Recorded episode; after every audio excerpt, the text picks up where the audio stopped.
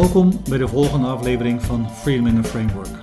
Met de podcastserie waarin ik mijn passie met jullie deel over hoe je echt ownership en commitment bij mensen in beweging kunt brengen om met elkaar en achter een strategie aan te gaan en een echt een volle te implementeren. In deze aflevering zal ik vooral ingaan op de hele dynamiek tussen mens en organisatie. En weet je, dat alles begint met één hele eenvoudige vraag. Waarom zijn er eigenlijk mensen in een organisatie? En die vraag is ogenschijnlijk ontzettend simpel, maar er zit heel veel aan vast. Want als ik hem aan leiders stel, die vraag, waarom heb je eigenlijk mensen in je organisatie? Dan kijken ze me vaak wat glazig aan en dan zeggen ze tegen me, ja, uh, uh, ik moet gewoon leiding geven aan die mensen. Dus echt jezelf afvragen, waarom zijn deze mensen er echt? Is een vraag die veel leiders overslaan. En nogmaals, er zit echt heel veel vast aan die vraag. Want als je teruggaat naar het begin van een organisatie, toen er nog helemaal geen mensen waren, was er die leider alleen. Die had een visie, die had een plan en die wilde iets neer gaan zetten. Die ging aan de slag met zijn visie en die werd succesvol. En op het moment dat hij succesvol wordt, dacht hij: hier ga ik meer van maken. Maar om het meer te kunnen doen, liep hij tegen de grenzen aan van wat hij in zijn eentje kon. Qua denken, qua handen, qua energie, 24 uur in een dag, meer is er niet. Dus er waren meer mensen nodig. En die persoon, die leider, ging er 1, 2, 5, 10, 100.000 mensen bij vragen om met hem aan de slag te gaan. Met één persoon is het nog te doen. Maar op het moment dat je twee of meer mensen bij je krijgt, komt er een andere dynamiek bij. Op dat moment moet je namelijk met elkaar gaan afspreken hoe je met elkaar gaat werken. Dus als leider heb je op dat moment niet alleen maar meer te maken met het wat, je visie en je strategie, etc., maar ook met het hoe. Hoe gaan we dat doen? En graag op zo'n manier dat ik niet iedereen op zijn nek hoef te zitten en er continu bij moet zijn, maar dat ze zodanig met me meegaan dat ze zelf snappen wat nodig is en met volle energie zelf aan de slag gaan. En dat is eigenlijk de essentie van mobiliseren van ownership en commitment. Dat mensen het volledig zelf aan de slag gaan. Dus de reden waarom zijn er meer mensen dan de leider alleen in een organisatie is heel simpel, omdat het te veel werk is voor de leider alleen. Elke leider die dat snapt, die snapt ook hoe belangrijk het is dat ik mensen echt helemaal enthousiasmeer van binnenuit om aan de slag te gaan. Wat ik in mijn werk tegenkom, is dat veel leiders meer aandacht besteden aan het wat dan aan het hoe. Aan het wat gaan ze in op de strategie, ze kijken naar de markten, ze kijken naar de klanten. Dat is vaak ook terrein waarmee ze erg vertrouwd zijn. Ze hebben al jarenlang zelf ook in die domeinen gewerkt, dus ze weten waar het over gaat. En met een consultant erbij kunnen ze het even goed verder uitwerken en zetten ze vrij snel de strategie neer. Die hoe-vraag wordt over het algemeen te eenvoudig benaderd. In mijn ervaring tenminste te eenvoudig. Wat ik leiders zie doen, is dat ze zich toeleggen op een aanpassing in de structuur, een aanpassing in de posities, herdefiniëring van functieomschrijvingen, een herallocatie van budgetten, herallocatie van assets en dan een, een informatiemiddag en misschien één keer een workshop. En dat is het, en dan moet iedereen het weten, en dan moet iedereen kunnen implementeren en dan is het vooral aan de slag. Maar echt mobiliseren van ownership en commitment vraagt dat je mensen die je ten eerste nodig had, omdat het te veel werk was voor jou alleen, wat nog steeds geldt, dat je hun ten volle meeneemt. En waarom is dat nou zo? Nou zo? Nou, dat zal ik je laten zien, want daar komt die dynamiek tussen mens en organisatie komt aan de orde. Als ik kijk naar wat mensen nodig hebben en wat organisaties nodig hebben, dan komen daar ogenschijnlijke tegenstellingen naar voren. Wat een mens nodig heeft om echt gezien te zijn, mee te willen gaan, is dat hij zich gehoord en gezien voelt in zijn of haar uniciteit. Wij mensen zijn allemaal uniek. Tegelijkertijd een organisatie zegt, uh, uh, uh, geef mij sameness, we gaan het allemaal hetzelfde doen. Je moet alles op dezelfde manier doen en alles graag op één, volgens één manier van werken. Als ik kijk naar een mens, dan zegt een mens graag: Ik wil graag van autonomie in mijn werken. Want dan kan ik mezelf veel beter uitdrukken en dat past veel beter bij mijn energie. Een organisatie zegt: nee, nee, nee, nee, we hebben één operating model met bepaalde processen, procedures um, en, en business processes en ook allemaal besluitvorming, et cetera. one operating model en graag dat iedereen op die manier werkt. En, en graag strikt volgens die procedures. Een mens zegt, hoor eens, ik heb mijn eigen doel. Ik heb de doelen die ik zelf graag wil realiseren. Een organisatie zegt, nee, nee, nee, wij hebben allemaal één doel.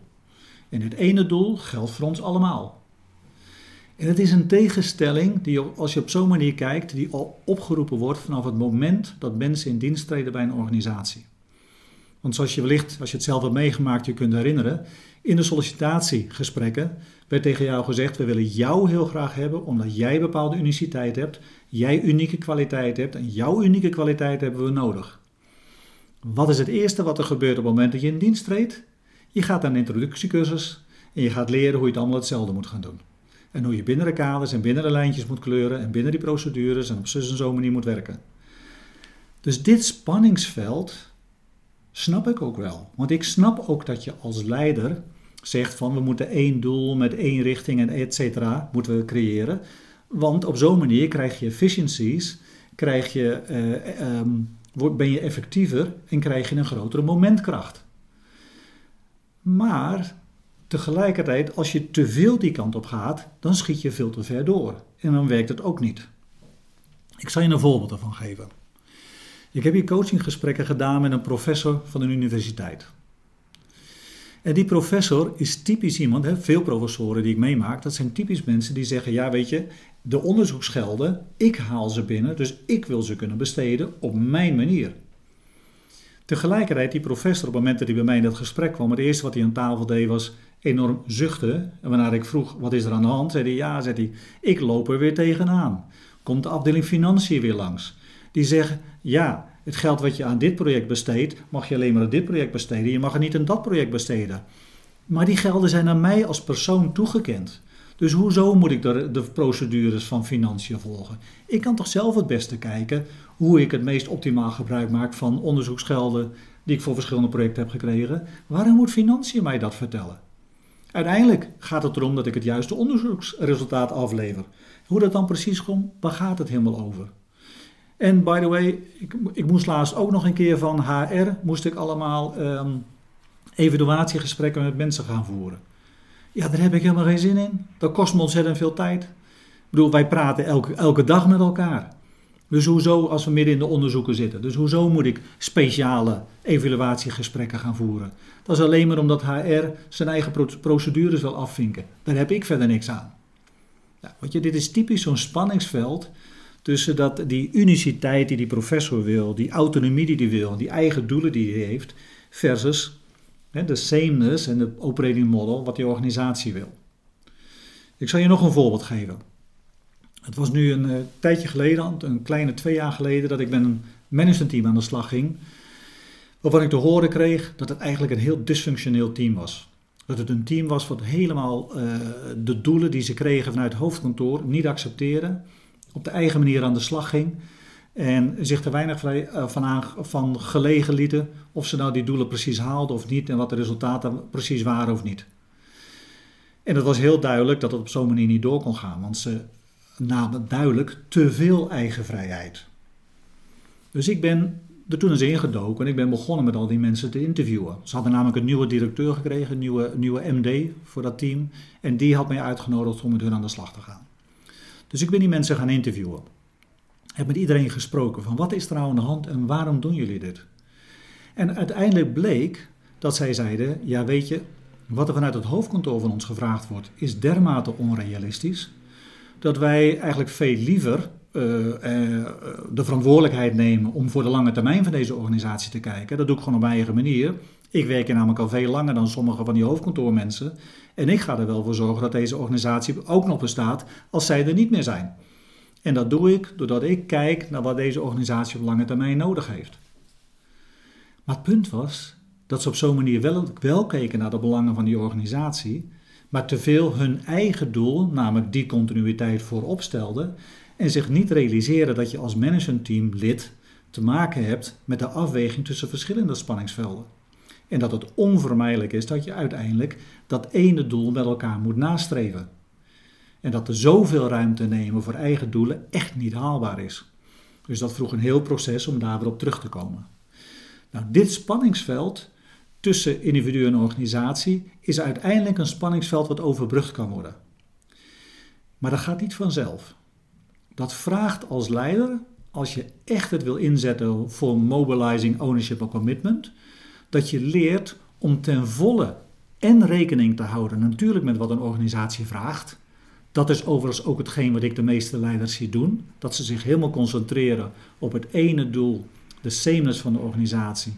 Omdat ze denken dat ze dan het meest efficiënt en effectief worden en de beste resultaten behalen. Maar wat nodig is als leider is dat ik ook leer om aandacht te geven aan die uniciteit, die autonomie en die eigen doelen die medewerkers hebben. Omdat dat de meeste energie vrijmaakt bij die medewerkers. Datgene waarom je ze oorspronkelijk ook had aangeworven om met jou te gaan werken. Hoe je dit spanningsveld overbrugt, is hetgeen waar ik de volgende podcast op inga. En die podcast die heet Healthy Friction.